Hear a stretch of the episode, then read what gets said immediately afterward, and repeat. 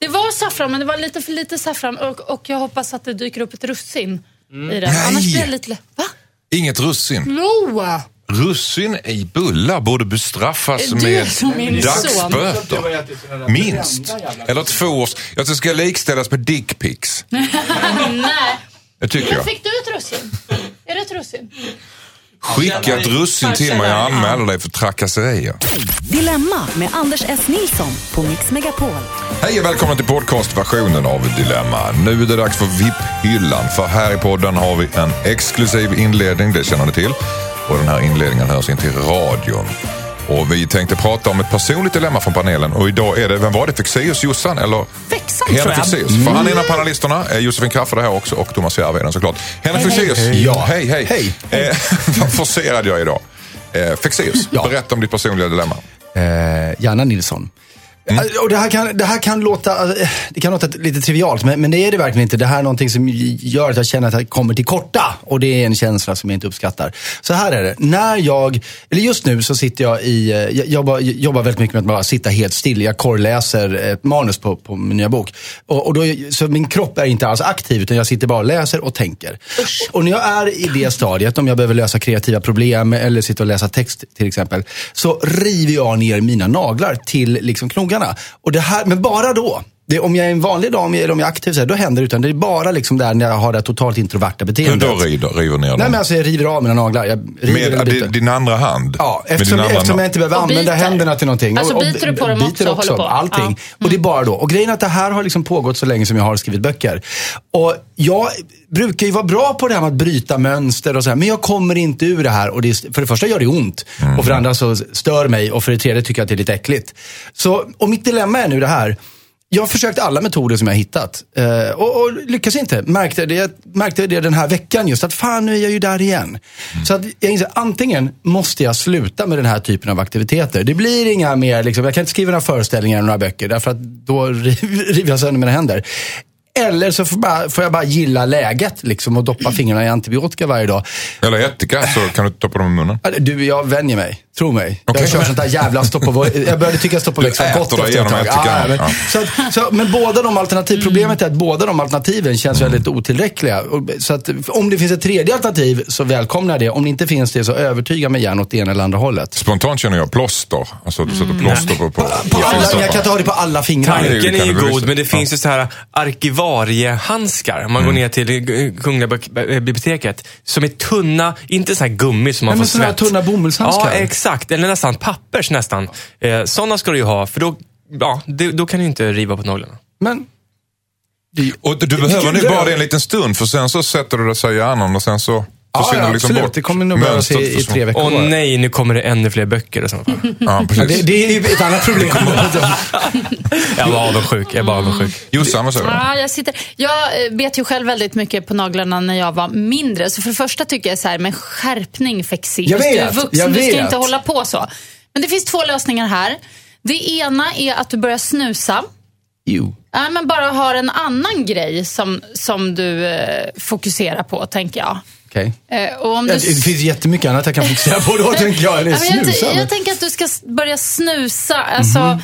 För då tror jag att det, då, då kommer du liksom börja längta efter den där snusen och så kommer du sitta och jobba och då kommer du glömma bort att bita på naglar. Jag Fast, tänk- fast det, är så, det är ingenting jag tänker på att jag gör. Det är inte så att jag bara, åh, här sitter jag och utan det, är- Nej, det är jag ett vet, jag automatiskt vet, Det- beteende. Jag vet, men jag tänker att det automatiskt slutar om du får en hang på något annat. Ja, Om jag får mer nikotin i men, kroppen. eh, Ja, jag tänker så. Men eh, det kanske var en dålig idé nu när jag tänker efter. Det, Behöver- det andra behöver- förlåt, förslaget ja. är faktiskt på riktigt, det kommer funka.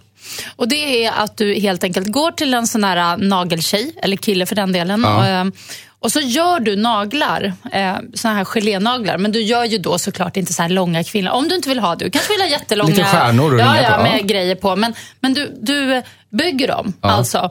Eh, du, du kommer sluta. Det går inte att bita på dem. Jaha, för att de är så hårda med Nej, det är eller? inte samma känsla. Det är, jag slutade bita på naglarna när jag började göra såna fejknaglar. Eh, nu har jag slutat med dem efter många år och nu biter jag inte längre. Men det funkar. Jag tycker Kan man inte här- tänka sig att problemet är andra ändan då? Att du tar, har ett munskydd?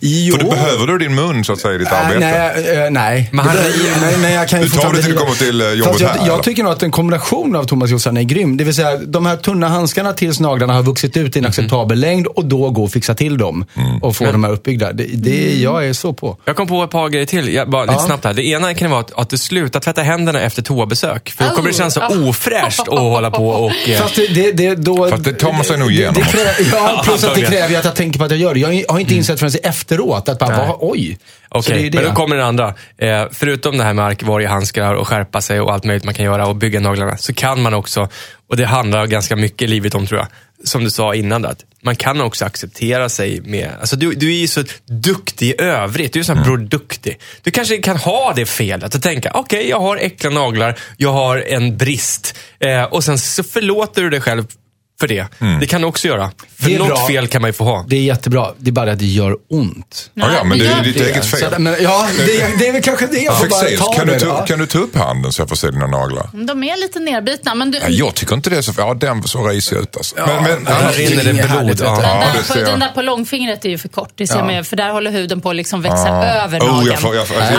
nej, det gör jag faktiskt inte alls. Jo, det, jag kan, en, en, sax, en nagelsax kan inte komma nära mig alltså.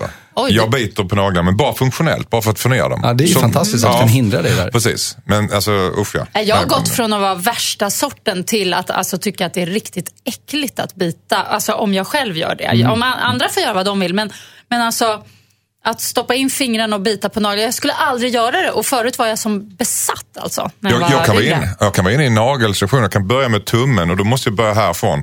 Och då, då är jag bara ska bita av Nej, hela. då? Aj, aj, Nej men jag aj, drar aj. inte. Åh, åh, Gud, utan jag biter från ena sidan till den andra. Då Som- kan folk komma fram till mig och prata med mig. Jag, de säger att jag gör inte... Jag väntar, måste vänta en minut till jag är Men det klar. där är som... Ja, men det Så jag där... har en, liksom en, en hästskoformad Erkänn nagel. att du är inne också i en bubbla då. Då är det som att det, det är... Du går in i ett program. Ja, du, du är liksom helt borta då. Jag har mycket salivförsäljning när jag gör det också.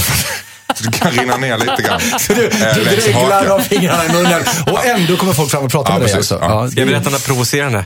Jag biter aldrig på naglarna. Det innebär att de har blivit så bra, så de är så hårda nu, så det går inte att börja. Alltså jag har som om jag, om jag hade byggda naglar. Alltså. Sticker som Jag, orkar, jag orkar inte bygga dem. Äh, äh, De är Ja, så men det här är riktigt, det här är så här bra, precis. Ja, så här det- välmående naglar. Men de, man måste klippa ner dem för att killar Klipp med långa aldrig naglar är naglar. äckligt. Ja, ja, de här är ska faktiskt snäppet för långa. Okej. Ja. Hörru, nej. Eh, känner du Fexeus att du är nöjd med den här Eh, analysen? Alltså det var, om jag, inte för att racka ner på mina pan- panelmedlemmar, men det var mycket bättre än vad jag hade hoppats på. Okej. Det, jag känner att det är en förändring direkt. Tack. All, du har alltid munskydd. Som ett alternativ. Hörru ni, eh, tack så mycket. Eh, skicka in det här dilemmat till dilemmatmixmegapol.se, stora som små. Så ger den här fina trion er tips sen. Nu eh, fortsätter eh, programmet som vanligt med lyssnarnas inskickade dilemman. Hejsan, jag heter Agnes.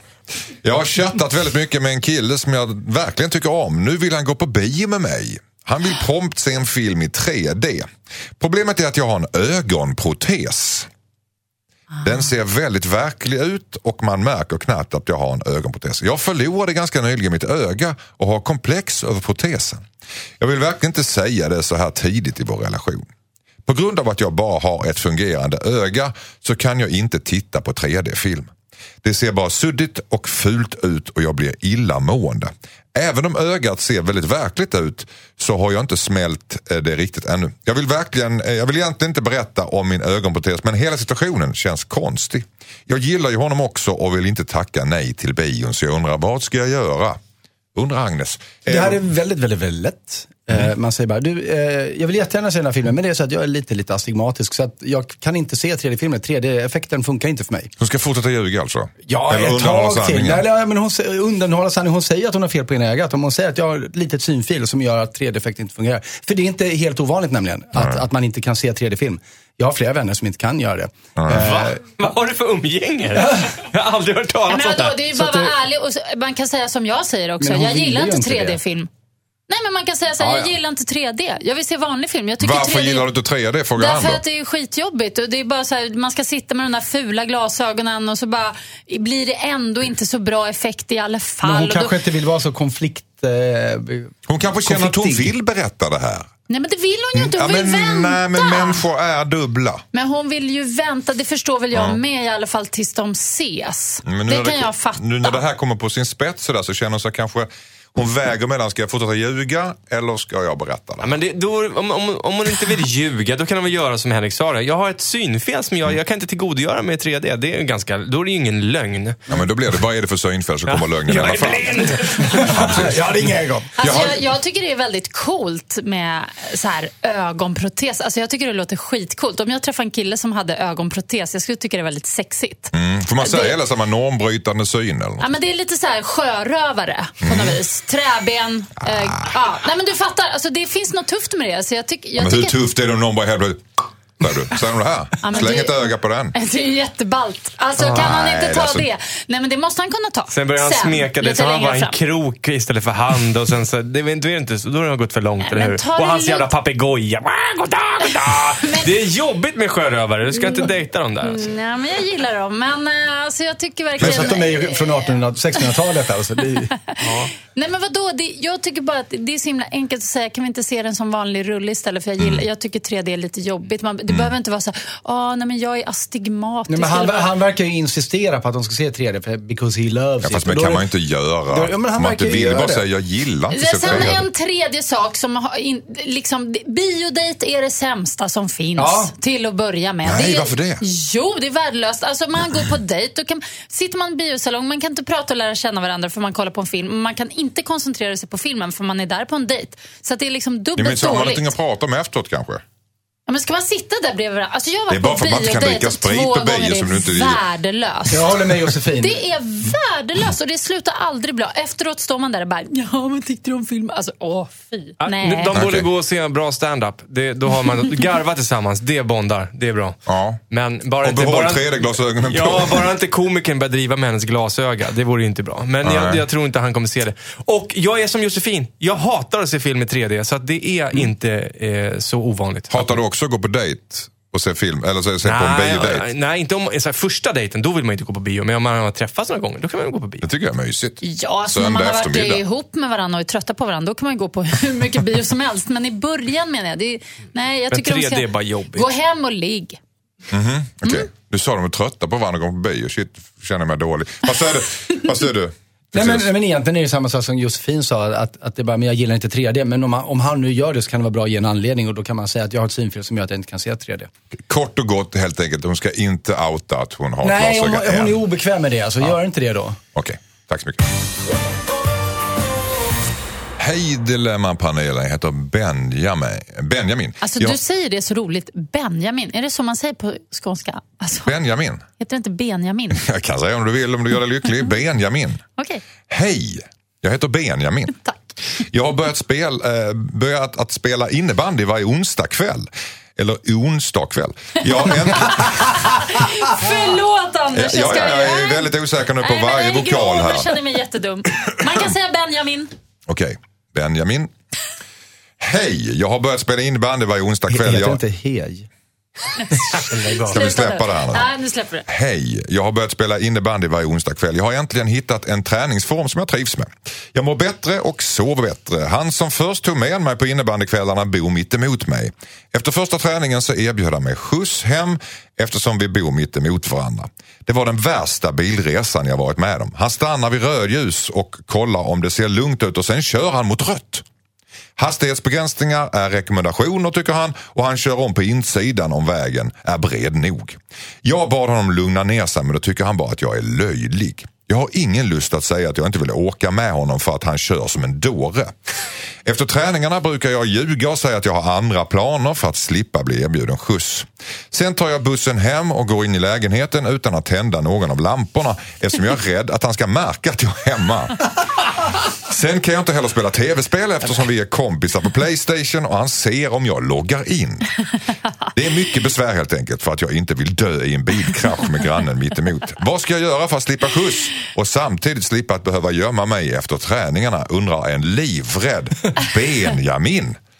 Vad säger Järvheden? Alltså, Järvheden? Ja, n- nå pluttelutten tycker jag då. Att han är så konflikträdd. Jag, jag tänker att han kanske är ganska ung och eh, inte har kommit till den punkten i livet där man, jag är ju liksom till och med fyllda 40 och har äntligen blivit så, så att jag skulle våga säga det.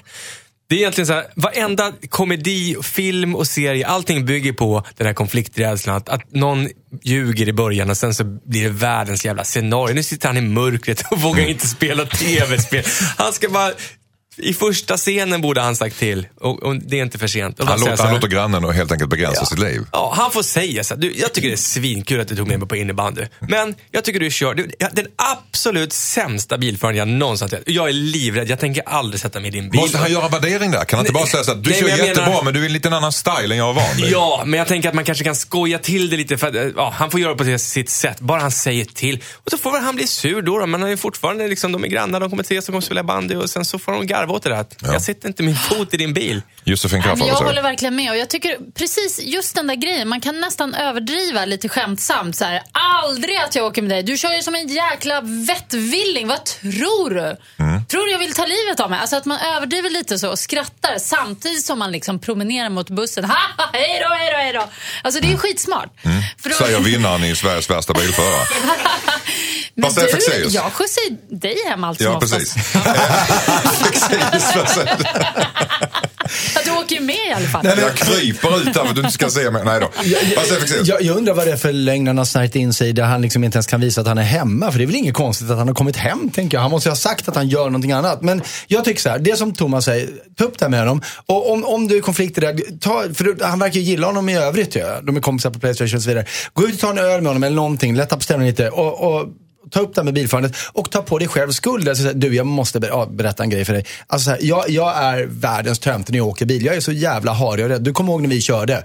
Eh, jag, jag blev livrädd av det och det, det, det är så jag är. Och det, jag vet att det är jättetramsigt men jag vågar inte åka med dig. Men jättetramsigt. varför ska man säga att man är en tönt och tramsig? Ja, men det lyssna nu. jag. Jo, det kan man bjuda på. För, för att eftersom han är rädd för den här personen, han tycker att det är en obehaglig människa och, i den här situationen. Och ett sätt att, att ducka under det, det är att ta på sig skulden själv. Det kan man bjuda på. Det and- Han gillar inte Jossan det här ser på. Inte ens jag faktiskt. Det Inte ens jag. tycker jag känns... Jag kan vidareutveckla det, här, men, men, men jag, vill också, jag vill också ge alternativ två. Han kan ju ta det här som en gyllene chans att faktiskt hitta på någonting riktigt und, direkt efter träningen som man inte har tänkt på. Eller vad det nu är han ljuger om att han gör. Hitta en aktivitet eller andra människor han kan hänga så att det finns en konkret anledning. Ska inte lägga ut spanska ryttare så bilen får punka. Det är ju alternativ tre kanske. Ja, alternativ fyra. Eh, Ring och förskvallra för polisen att det kommer komma en kille som körde mot rött i den korsningen och den korsningen och den korsningen. Men jag måste fråga så, varför är det fel att själv ta på sig anledningen till att man inte vill åka med honom? Därför Det- att den stämmer ju inte. Alltså, han tycker ju inte att han är en tönt eller att han är larvig. Han tycker på riktigt att den där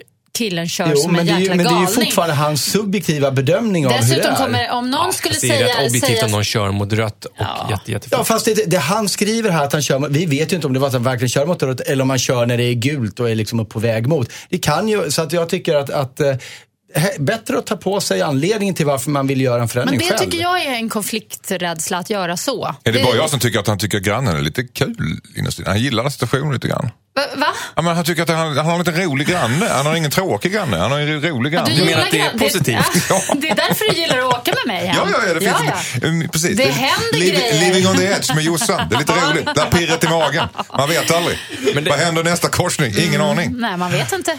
Precis. Men alternativet är ju att lägga en värdering i hur han kör. Så att du kör som en idiot och då kommer han bli sur och Nej, men förbannad. han får väl vara Fast subjektiv och säga, jag, för min smak så kör du alldeles för galet och eh, jag, jag, jag gillar inte det. Jag åkte buss. men jag det, var, det är ju- men det, var, det är ju samma sak, för min smak. Det är ju samma sak. Ja, men, men jag tyckte det la så platt och ibland Ja, men behöver jag, man stå upp för jag sig var lite själv lite. övertydlig för att ni skulle förstå. Nu blir det snart på. Nu kör jag en låt. Jävlar. Hejsan Dilemmapanelen, jag heter Linnea. Mitt dilemma handlar om pengar och jag vet hur dumt det låter. Jag trivs inte så bra med mina arbetsuppgifter och har under en lång tid velat säga upp mig. Jag mår psykiskt dåligt av mitt jobb och ma- har mardrömmar och är väldigt stressad. Jag har ett välavlönat chefsjobb på ett bra och stabilt företag med bra löneutveckling. Men jag klarar helt enkelt inte av rollen som chef. Jag har sökt andra jobb ungefär ett år men det verkar som att ödet vill att jag är kvar på den här arbetsplatsen. Alternativet är att gå tillbaka till mitt gamla jobb men kommer då att tjäna ungefär 13 000 kronor mindre i månaden. Vilket är en hel förmögenhet och kommer att påverka mitt liv negativt på flera andra sätt. Ska jag stå ut eller byta tjänst och gå ner i lön? Undrar Linnea, vad säger Järvheden? Det är lätt för mig. Det är eh, skit i pengarna. Livet är så mycket mer än eh, pengar och jobb. Och, och om hon mår mår bra, vad ska hon med pengar Alltså om hon mår dåligt, vad ska hon med pengar till då? Man kan också faktiskt strypa andra kostnader istället och försöka tjäna in de där pengarna lite grann. Bo billigare, hyra ut ett rum eller vad fan som helst. Men hon mår ju dåligt, hon ska inte vara kvar där. Vad ska hon med pengarna till om hon mår dåligt? Bra. Jossan? Nej, jag är helt inne på samma linje. Det är inte värt det. Och det är ju så att ju mer pengar du tjänar, desto mer eh, saker gör du dig beroende av, köper, grejer, donar. Alltså det är bara att tänka till och så rensa ut. Det är också väldigt skönt att göra det. Jag håller faktiskt på att rensa ut lite nu. Jag ska ju så småningom flytta och då tänkte jag till exempel att jag ska göra mig av med bilen. Bara det kommer jag ju tjäna på. Alltså det, det är skönt att eh, lite så feng shui-rensa.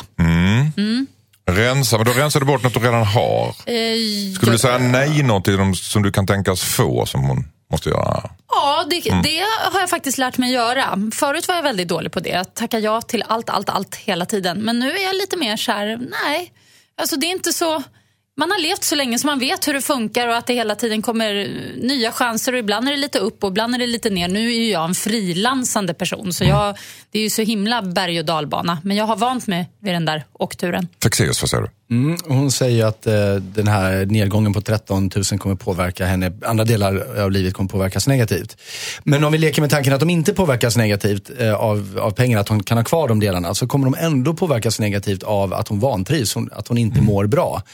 Eh, jag har väldigt många människor runt omkring mig just nu faktiskt som har vantrivts på sina jobb i, i fem år och eh, valt ett tredje alternativ istället för att gå till tjänsten de hade innan. Det är att de har sagt upp sig och börjat plugga. Eh, Det vill säga inte nog med att de väljer i, liksom, i 40-årsåldern att leva på, på studiepengar eller en studiebudget under kanske 3 till 4 års tid. De kommer dessutom gå till ett jobb som kanske ger dem 20 000 mindre i ingångslön än vad de hade där de mådde dåligt. Men det spelar ingen roll. Därför att det är värt det. Jag tror vi många gör, många gör fel att, att man tänker, men om jag tar, biter i det, det här kanske inte är så kul, men jag gör det, så blir det kul sen. Men det där senet, det kommer liksom inte. Och de där pengarna blir inte värda så jävla mycket grejer.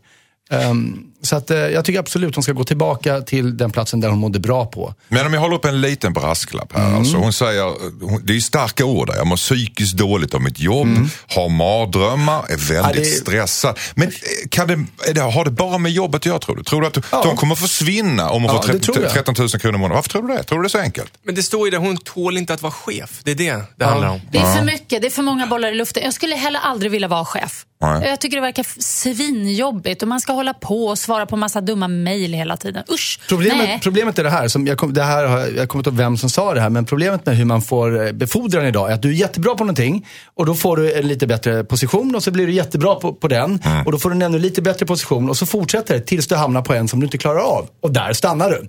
För den blir du inte bra på. Så, så egentligen så tror jag att alla skulle må bra av det jobbet man hade precis innan man, det man gör idag. Det är väldigt många som går omkring, speciellt i chefsroller och undrar bara, men herregud, jag kan inte hantera personal, jag kan inte vara chef. Men jag var bra på det jag gjorde innan, det var därför jag fick bli chef. Är inte en chef alltid, alltid, alltid illa omtyckt? Nej. Nej, absolut Nej. inte. Men man har alltid bra. pressen på sig som chef. Ja. Skulle ni vilja vara chef? Järvheden, skulle du vilja vara chef Nej, på jag, jag gillar inte att vara chef. Jossan?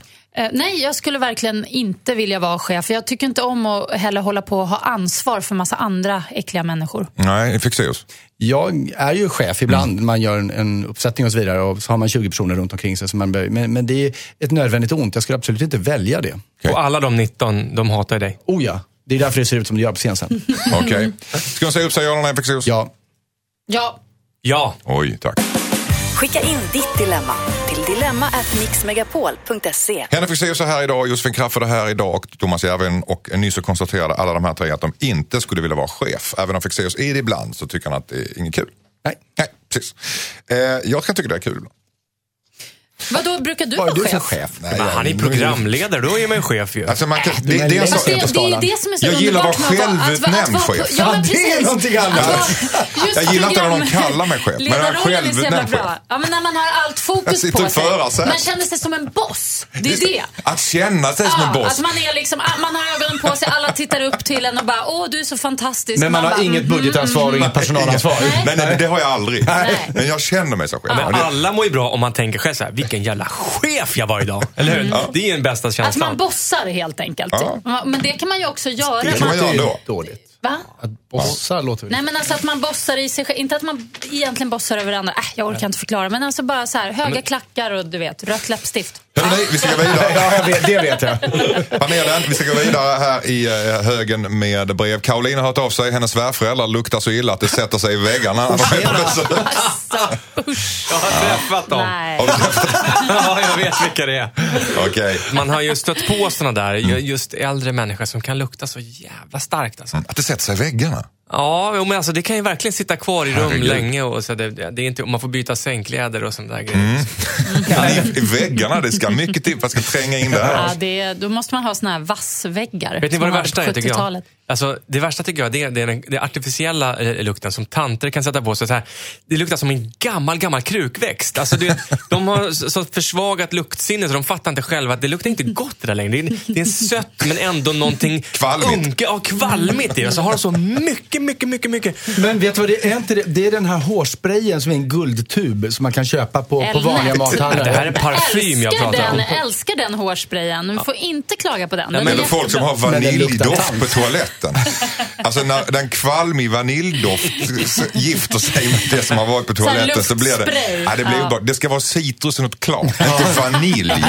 Alltså, alltså, vaniljsås- Men sen- det, det blir ännu värre alltså. Men sen har vi också den här gamla galtgubben. Ni vet galtstanken. När, när det är liksom blandning mellan galt, urin och alkohol. Man känner genom Ja. porerna liksom. Men att det- varför är gubbar luktar alltid kiss medan tanter luktar det där Begonia, en gammal, gammal sötkvalmiga. begonia. Ja, det är märkligt det där. Ja, Ja, Ja, Alltså, annars så tycker jag tidningspapper och ren skit kan lukta rätt hemtrevligt. Alltså. Men det, är- det är ju för man är uppväxt med det. Vi har haft olika uppväxt tror jag. Jag tror också det. Snart är det dags för Karolins brev. Här har vi ett brev från Caroline. Hej Dilemmapanelen. Min sambos föräldrar är storrökare och de luktar fruktansvärt illa av röken. De bor långt ifrån oss. När vi har hälsat på och bott hos dem så måste vi tvätta allt som vi har haft med oss. Och när de hälsar på oss så måste hela lägenheten saneras efteråt. De röker inte inomhus utan de luktar så mycket av stank att stanken sätter sig i väggarna om de spenderar för mycket tid hos oss.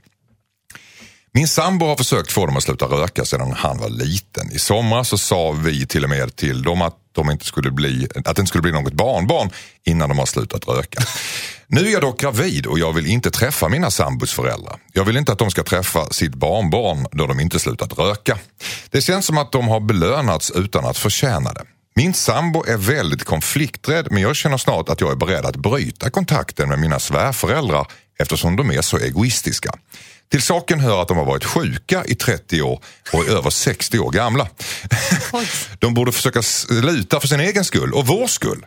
Vad ska jag göra? undrar Caroline.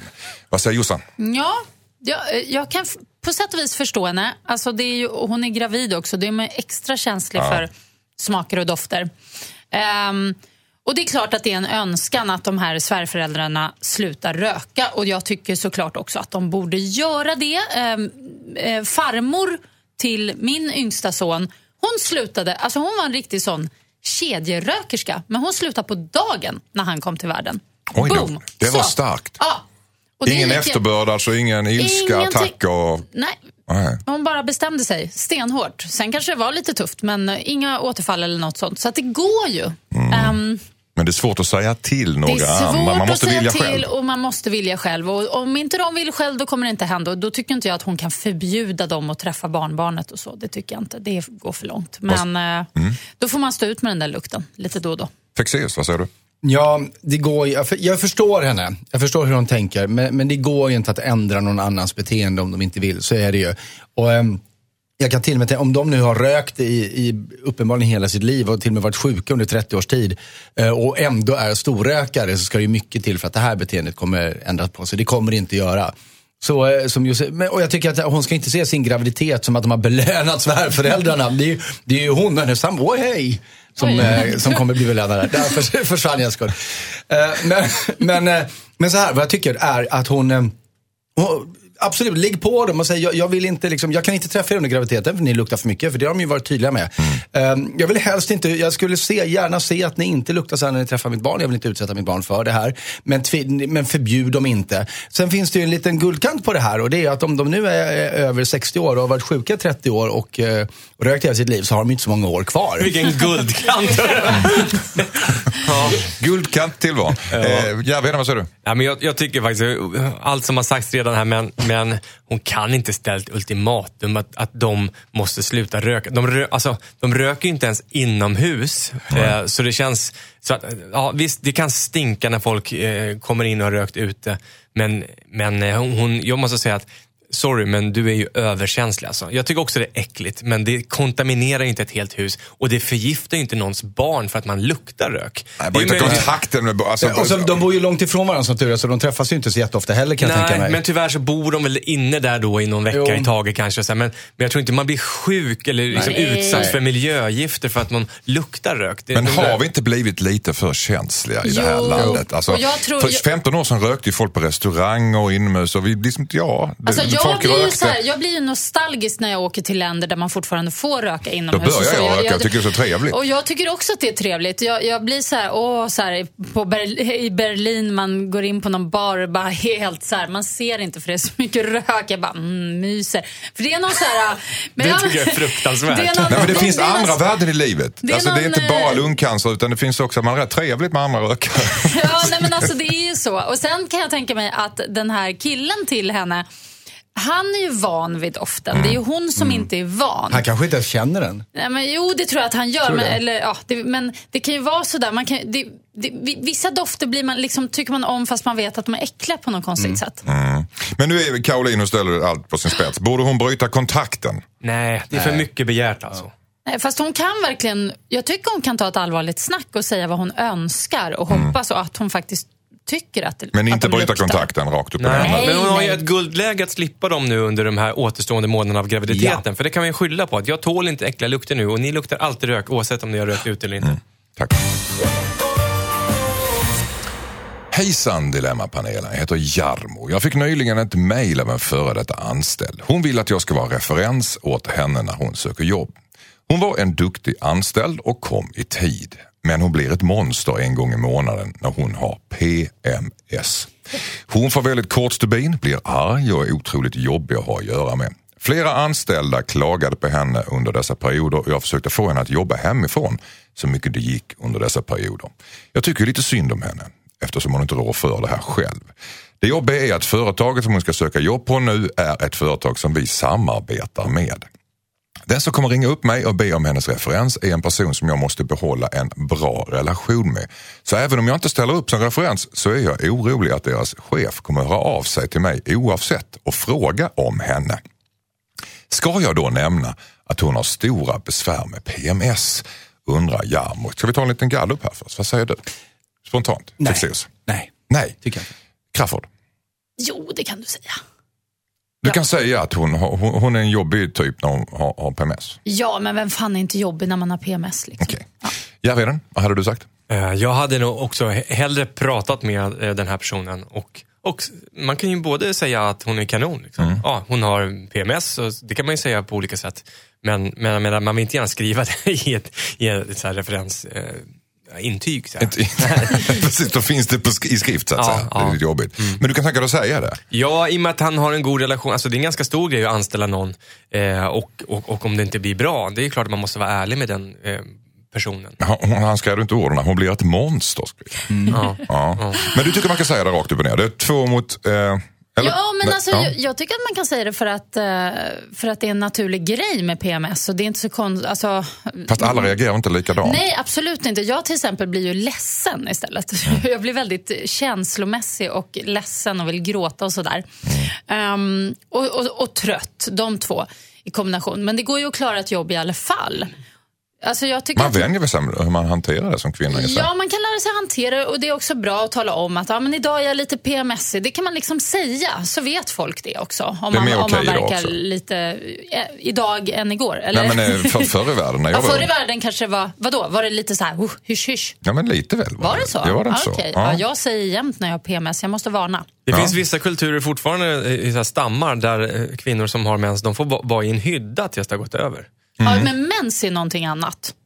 Ja, men det är ändå, det, ja, jo, men jag tänkte bara fortfarande att, att vi ligger i lite olika fas i världen. När du säger att det, det, Nej, men jag kan känna ibland... Så det här är inget eh, alternativ menar du? Att låsa in den här stackaren i en hydda? ja, de kan ju ha ett litet rum på jobbet kanske. Där Ett PMS-rum. PMS-rum, det skulle ja. vara ganska skönt för man vill ju ofta stänga in sig i en hydda när man är PMSig. Eller första dagen på mensen också för den Alltså, delen. det är väl jättebra egentligen att ha Ja. ett PMS-rum på en arbetsplats? och det är så, Så ömsesidigt, för ibland vill man stänga in folk i en hydda också. Som, som, Och så eller kan det finnas så här box, eh, boxsäck så man kan få, få ur sig aggressioner. Kan man bälta någon som har PMS i det här rummet också då? Är för så. Ah, den det, blir, det blir nästan ett övergrepp.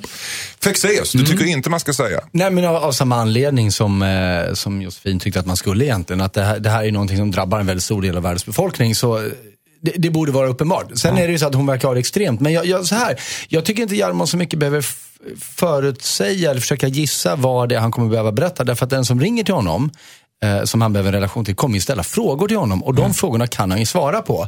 Och, och förmodligen kommer han bara behöva säga, behöva, han bara säga att hon är väldigt punktlig, hon var väldigt bra medarbetare, hon sköter sitt jobb. Alltså det är den typen av frågor det kommer komma. Han, det, jag är svårt att se att det kommer komma en fråga, liksom, ja men hur är hon en gång i månaden? Alltså, så här, utrymmet för att ta upp det Nej, här men han kommer sitter inte presenteras. Han Jo, sitter ju inne på den informationen att en gång i månaden så blir hon ett monster till och med. Ja, men, men, men jag tycker ändå inte att han är skyldig att säga det om, om inte liksom han får, om man får en fråga, men kan hon vara, är hon, jobb, är hon jobbig att jobba med liksom? Eller, eller blir, är hon svår i konflikter? Men det ja, då, kan han, ju- då kan han ju säga det, att, eh, ja, en gång i månaden så får man vara lite försiktig med henne. Mm. Men inte mer än så. Därför precis som Jossan sa, det här är någonting som man behöver ha förståelse för och det är inget nytt för någon. Att vissa människor drabbas av det här hårdare.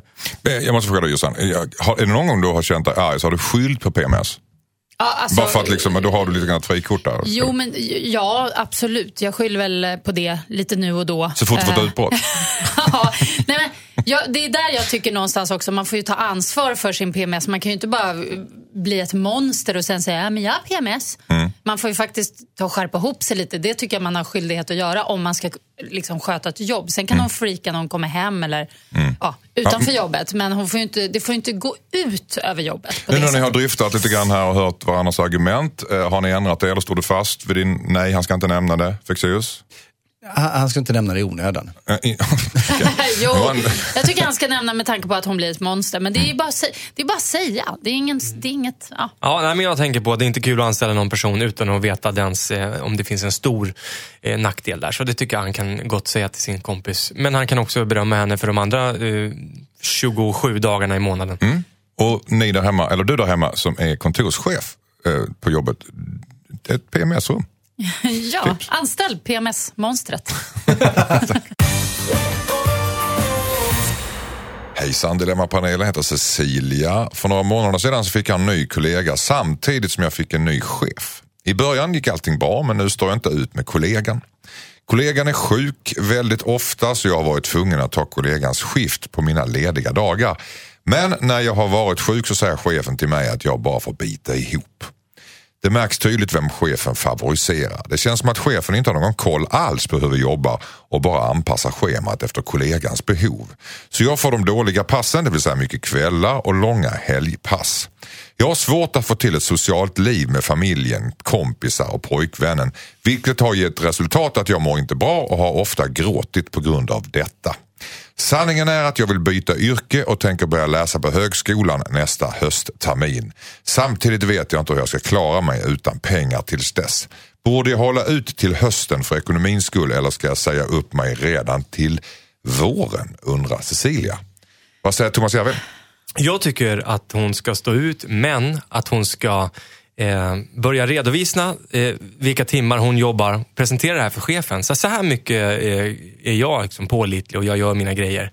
Eh, och det går ut över mig när hon är sjuk och du ger mig skitpassen. Alltså hon ska börja sätta krav Eh, Det är hennes första steg. För om han inte kan möta hennes krav sen och inte verkar tacksam, då kan hon väl överväga att säga upp sig. Men hon är liksom inte, hon har ju bara svalt skiten. Hon, ska, hon kan också säga så här, det här är de passen som jag accepterar, annars tänker jag säga upp mig. Alltså hon får väl hota med det. Men hon, hon har ju rätt att, att kräva eh, åtminstone eh, till 50 procent ett rättvist eh, fördelning av de här passen. Mm. Vad säger Josefin? Ja, men just när, man, har- när det har gått så långt att man till och med funderar på att säga upp sig, då är det väldigt bra förhandlingsläge när man går in till chefen.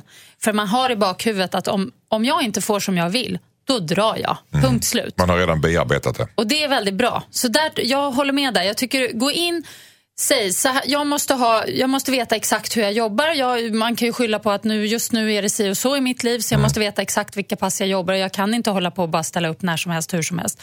Eh, så så här vill jag ha det. Om det inte går att lösa, bye bye. Det är att gå in till chefen när man redan är, har liksom vant vid tanken på att lägga av. Just det, Ja. så därför ska hon Då är göra lite det. mer så fort som avslappnad också. Ja. Och då tror jag att chefen kommer se henne med lite andra ögon och bara, oh, okej, ja, ja. Anpassa sig lite. Ja, mm. Fixeus, vad säger du? Ja, alltså om jag förstod det här brevet, hon, har ändå, hon, har, hon vill börja plugga, hon vill byta jobb. Där, där, Om det råder det liksom ingen tvekan egentligen. Så då, då skulle jag kunna tänka, jag tycker egentligen det Thomas och Josefin säger är jättebra om man har tänkt sig vara där längre. Men om hon faktiskt i alla fall tänker börja plugga till hösten, då skulle hon kunna tror jag, härda ut under våren. Eh, därför att hon vet att det är en väldigt, väldigt begränsad tidsperiod. Jag menar terminen börjar ju hon kommer jobba fram till juni och sen är det semester och sen börjar terminen. Men, men eh, det, det både Thomas och Josefin pratar om, det kallas ju för, för ett BATNA, Best Alternative to Negotiated Agreement. Alltså ju starkare plan B du har, desto bättre förhandlingsposition befinner du dig i. Så vill hon använda det i den här under det halvåret hon har kvar, så absolut, kör på det. Och så kolla också om det finns andra du kan prata med det här med. Finns det en chefens chef, finns det en HR-ansvarig eh, som, som är beredd att lyssna på det här? Batna. Better, Best Alternative best alternative To- to, negotiate. Negotiated Agreement. Det vill säga mitt bästa ja. alternativ till det vi kommer Ja, överens om. det förstår jag. Jag får bara Eh, säga eh, det här som du sa att hon kan stå ut eh, eftersom det är så kort kvar. Eh, Min personliga erfarenhet genom livet har varit att ju närmare någonting är, ju svårare har jag att stå ut. Eh, Det, har du, det har du helt rätt i Ja, Thomas. så att även om det bara är liksom en och en halv termin kvar nu så kan det vara fruktansvärt varenda dag att gå till jobbet. Men det är också skönt att veta att det tar slut. Men ju närmare målet man kommer, ju kortare är tålamodet att ta. Det är samma sak, har du köpt en ny lägenhet, plötsligt så vantrivs du i den gamla. Har du ett nytt jobb om ett halvår, ja, då orkar du inte med en månad till. Liksom. Så att jag tycker att hon ska battna, in och battna. Men det, det, det, är väldigt- det är väldigt sant det där. För, för att om du är kissnödig så blir det, det blir outhärdliga och outhärdliga ju närmare toaletten du kommer. Just det, just det. För att man liksom på något sätt talat om för hjärnan att det är okej. Ja. Men jag tror ändå att det är skönt att, man får veta, att få veta att man kommer få kissa då. Än att bara tro att det kommer pågå så här i all evighet. Ja, man står där och battnar med toaletten. Eller har jag missförstått? Ja, där. Ja, vi har skapat ett och annat nytt begrepp här. tror. Battna. Eh, ja, Battna. Tack så mycket. Skicka in ditt dilemma. Dilemma at mixmegapol.se. Alma, hon begick ett snedsteg för många år sedan och nu kan det förstöra hennes liv. Har du varit med om det? Alltså, ja, det. snedsteg. F- Som förstört mitt liv. Ja, i och för sig. Alltså, någon gång så har det ju... Val av yrke. Ja, men det, kan ju vara, nej, men det, det är många saker faktiskt egentligen. Fast jag menar, livet förstörs ju bara en liten stund. Sen bygger man upp det igen. Det man kan sagt. känna just då som att livet är förstört. Man bara nej! Och sen bara, åh jag överlevde, jag måste fortsätta. Och ju Suck. äldre man blir, ju mer förstår man det. Ja. Ja, att livet tar inte slut. Nej, Man och att klokare. eh, livet är, det är lite sådär, Mm. mellan, mellanmjölk. Det lät väldigt bittert och tråkigt.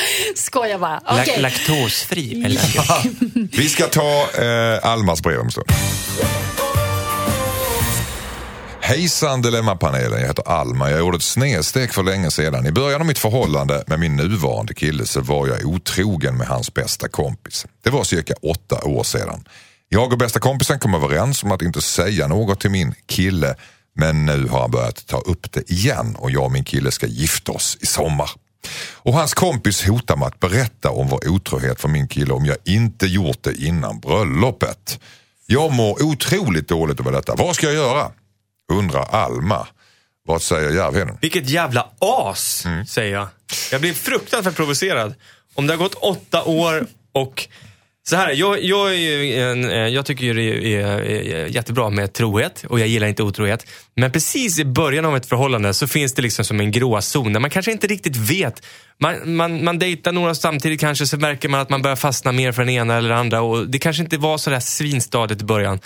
Då är det inte lika allvarligt med en otrohet tycker jag. Och, Hur lång tid är det inte lika det allvarligt? där är olika i olika kretsar, i olika åldrar, men alltså det kan lätt vara ett kvartal där man kanske inte riktigt, fan, nu för tiden säger man inte ens så här, hej nu är vi tillsammans, det kanske är, vi kanske bara dejtar. Alltså det, det är en glidande skala där ett tag.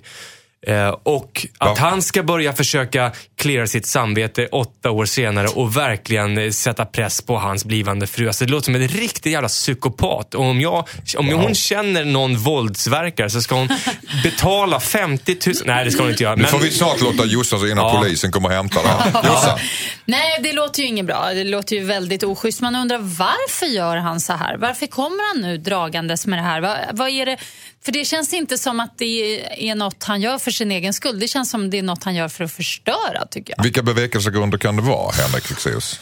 Nej, men det, jag tror att det kanske är någon form av samvete som spökar. Och jag vill minnas att... han- Samvete hos honom? Ja. Att han vill gola om detta? Nej, men han var ju med. Han, Han var ju ja. den som var otrogen också. Ja, Jo. med sin bästis. Men jag, och jag vill minnas att den här panelen vid något tillfälle för länge sedan har gett den här typen av råd som är typ att ja, men om inte du berättar så tänker jag göra det innan ett bröllop och så vidare. Men då var det ju inte liksom med åtta års mellanrum. Det är det som är så bisarrt här. Att, han, att han nu behöver gå vidare. Men det här löser inte hennes problem. Någon slags reningsbad ja, innan vi, vi kan klaga på honom hur mycket som helst men det Märkligt, löser inte hennes märkligt. problem här.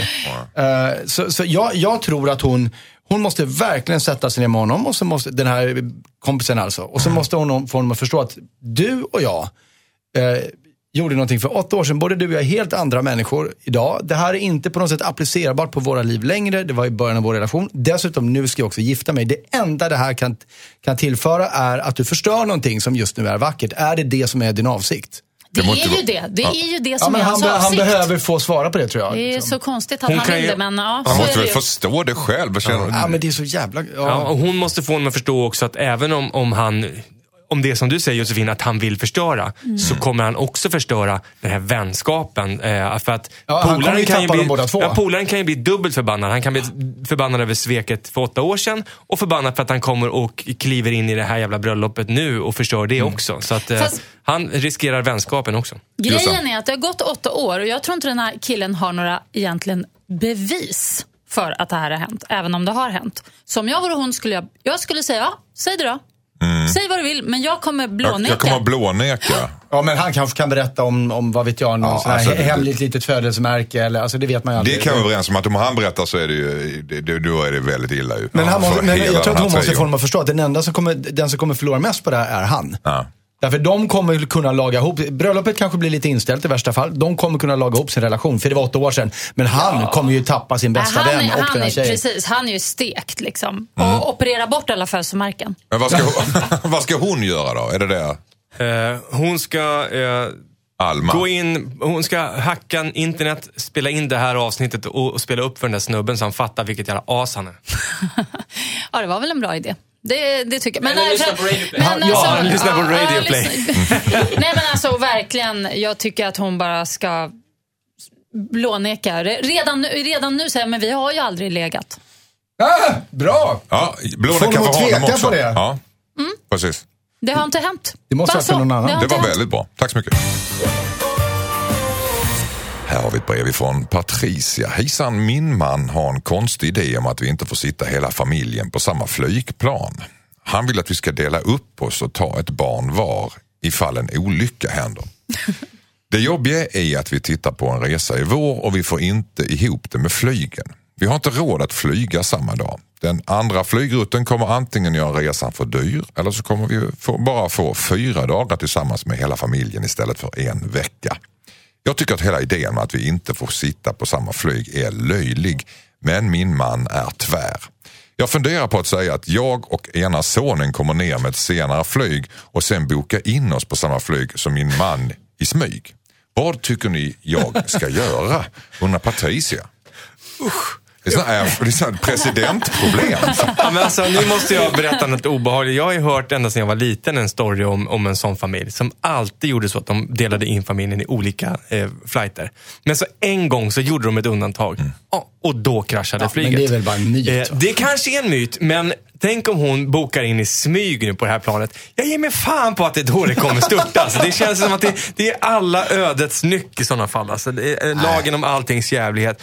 Om Flyga hon är ska det göra- säkraste sättet Ja, att resa men på. om hon ska göra det så måste hon göra det utan att överraska. Det är, det är ingen bra start på semestern och kränka hans eh, vilja på det sättet. Minsta turbulens blir det, hoppa vad jag sa. ja, eller hur? Nej. Vad säger Jossan? Nej, jag, jag vet en, en person faktiskt som, eh, som gör så här, eller en familj som gör så här. Jag tycker det är väldigt märkligt. Jag förstår inte the winning of it riktigt. Jag tycker om man är en familj och ska resa tillsammans och ha mysigt tillsammans kan man väl lika gärna dö tillsammans då. Om Mm. flyget störtar liksom. Det är, Han kanske är väldigt mån om att hans arvsmassa ska föras vidare. Liksom. Ja, ty, ja men precis. Det känns, du, du, vad är det något sånt? Eller, Nej, det är jag- väldigt konstigt jag, att se jag, på jag, det. Jag fattar inte riktigt. Jag tycker, och som du säger, att flyga är ju jätte, jätte safe jämfört med att åka buss eller bil. Då borde eller... de inte kunna åka bil, samma bil heller. För det är mycket, det är mycket farligare. Det var, det var det som skulle vara min fråga. Åker man, de här som du känner Josefin, åker de då liksom till flygplatsen i separata bilar på olika dagar det de- också? Fem olika taxibilar. De, de åker i Nej. samma bil? Ja, Ja, men det är ju, du ser, så den, att det den är- chansen eller risken är ju En, oändligt en, mycket en större. taxi åker tom med, med deras testament. Ja. Riktigt säkert. Nej men alltså det här håller ju inte. Hon måste ju få honom att, det, det, hon måste ju få honom att se Han det behöver gå totalt i irrationella i det här. Han, Terapi Ja, vad är alltså. det här för människa om vi gör Nej, någonting? men det kommer smälla om de sätter sig i samma plan. Nej, det, Nej, det är det känslan. kommer det inte kommer göra. inte. men, men däremot, presentera honom gärna med lite... Risken, det, det jag tänkte först var att visa honom då statistiken på flygolyckor och bilolyckor och så vidare. Men risken är ju då att han skulle börja insistera på att de ska åka separata bilar också. Eh, men jag tycker så här, boka samma plan, sätt honom i terapi omedelbart. Förhoppningsvis är han klar lagom till resan. Jag, jag känner nog ändå att de ska surprisa honom. Alltså att hon ska lura Okej. S. S. Ja, Hon att hon ska luras. luras. Ja, för att ehm, det, det kommer vara väldigt jobbigt, men han kommer inte kunna dra sig ur den situationen. Så det är liksom lite att tvinga fram en situation för att bevisa, Alltså, kolla, det gick bra. Han Okej. kommer ju hoppa fallskärm när han ser att de är på samma Ja, men flyg. det Plus finns att- inga fallskärmar. Det finns Plus bara att flyg, nästa resa kommer vara likadant igen. Man kan ju. hoppa med flytvästen Nej, och se men De kommer tror- vara nej. osams hela första dagarna på resan Nej, för det här. det här kommer gå bra. Ge honom en sömntablett. I, I Ja, men- smoothien. Ja. På alltså, Arlanda. Ja, men, alltså på flyget. Ja, alltså det kommer bli lite drama, men han kommer inte vilja ställa till det på flyget för då blir han avslängd, vilket han i och för Är sig kanske är, vill. är, ja. är ni flygrädda? ja, lite. Nej. Inte alls.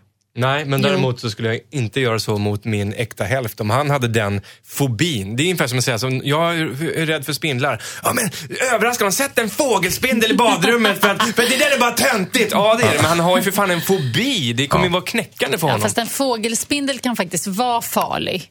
Det är ju Ja. äckligt på riktigt. flygplan Fast kan har, ju störta. har han en fobi? Han flyger ju själv. Ja, det, det Jag har en fobi förbi mot det att en hel familj ska utraderas. Han har ju... Han är har, någon slags statistiker. men han, är ju- han har ju så här tics, Ja, en dålig eller vad, sån eller vad heter det? Tvångstanke har han. Ja, det är det, han har. Han har tvångstankar ja, kanske, Så ja. att det är därför han måste bli av med det här. Ska hon boka in sig på samma flyg som hennes man i smyg? Ja eller nej Fexeus? Eh, ja, men Ja. inte ens i smyg. Inte ens i smyg. Jossan? Ja, gör det. Nej, nej, nej för fan. Och så klä ut er och så kan ni surprisa när, när ni är framme. Så bara, ut hej! er? Men ta, ta hand om problemet Klä, klä istället. ut dig till flygkapare så han blir riktigt rädd. Och så bara, tada, det var bara jag. Ja. Alltså det är ju toppen. Okej, tack. Grymma råd. Vadå? Det var ju bra ju. Kära eh, panelen, tack för att ni var här idag. Henrik Fexeus, tack för att du har spridit dina visdomsord. Tack. Tack Josefin Crafoord och tack Thomas Järvheden. Och så glömmer du inte att mejla in dina dilemman till dilemma.mixmegapol.se. Vi byter ut ditt namn så att du kan vara anonym. Nästa helg är vi tillbaka igen med nya dilemman. Ha nu en skön söndag denna första advent. Mysigt. Hej, hej. Hej, hej.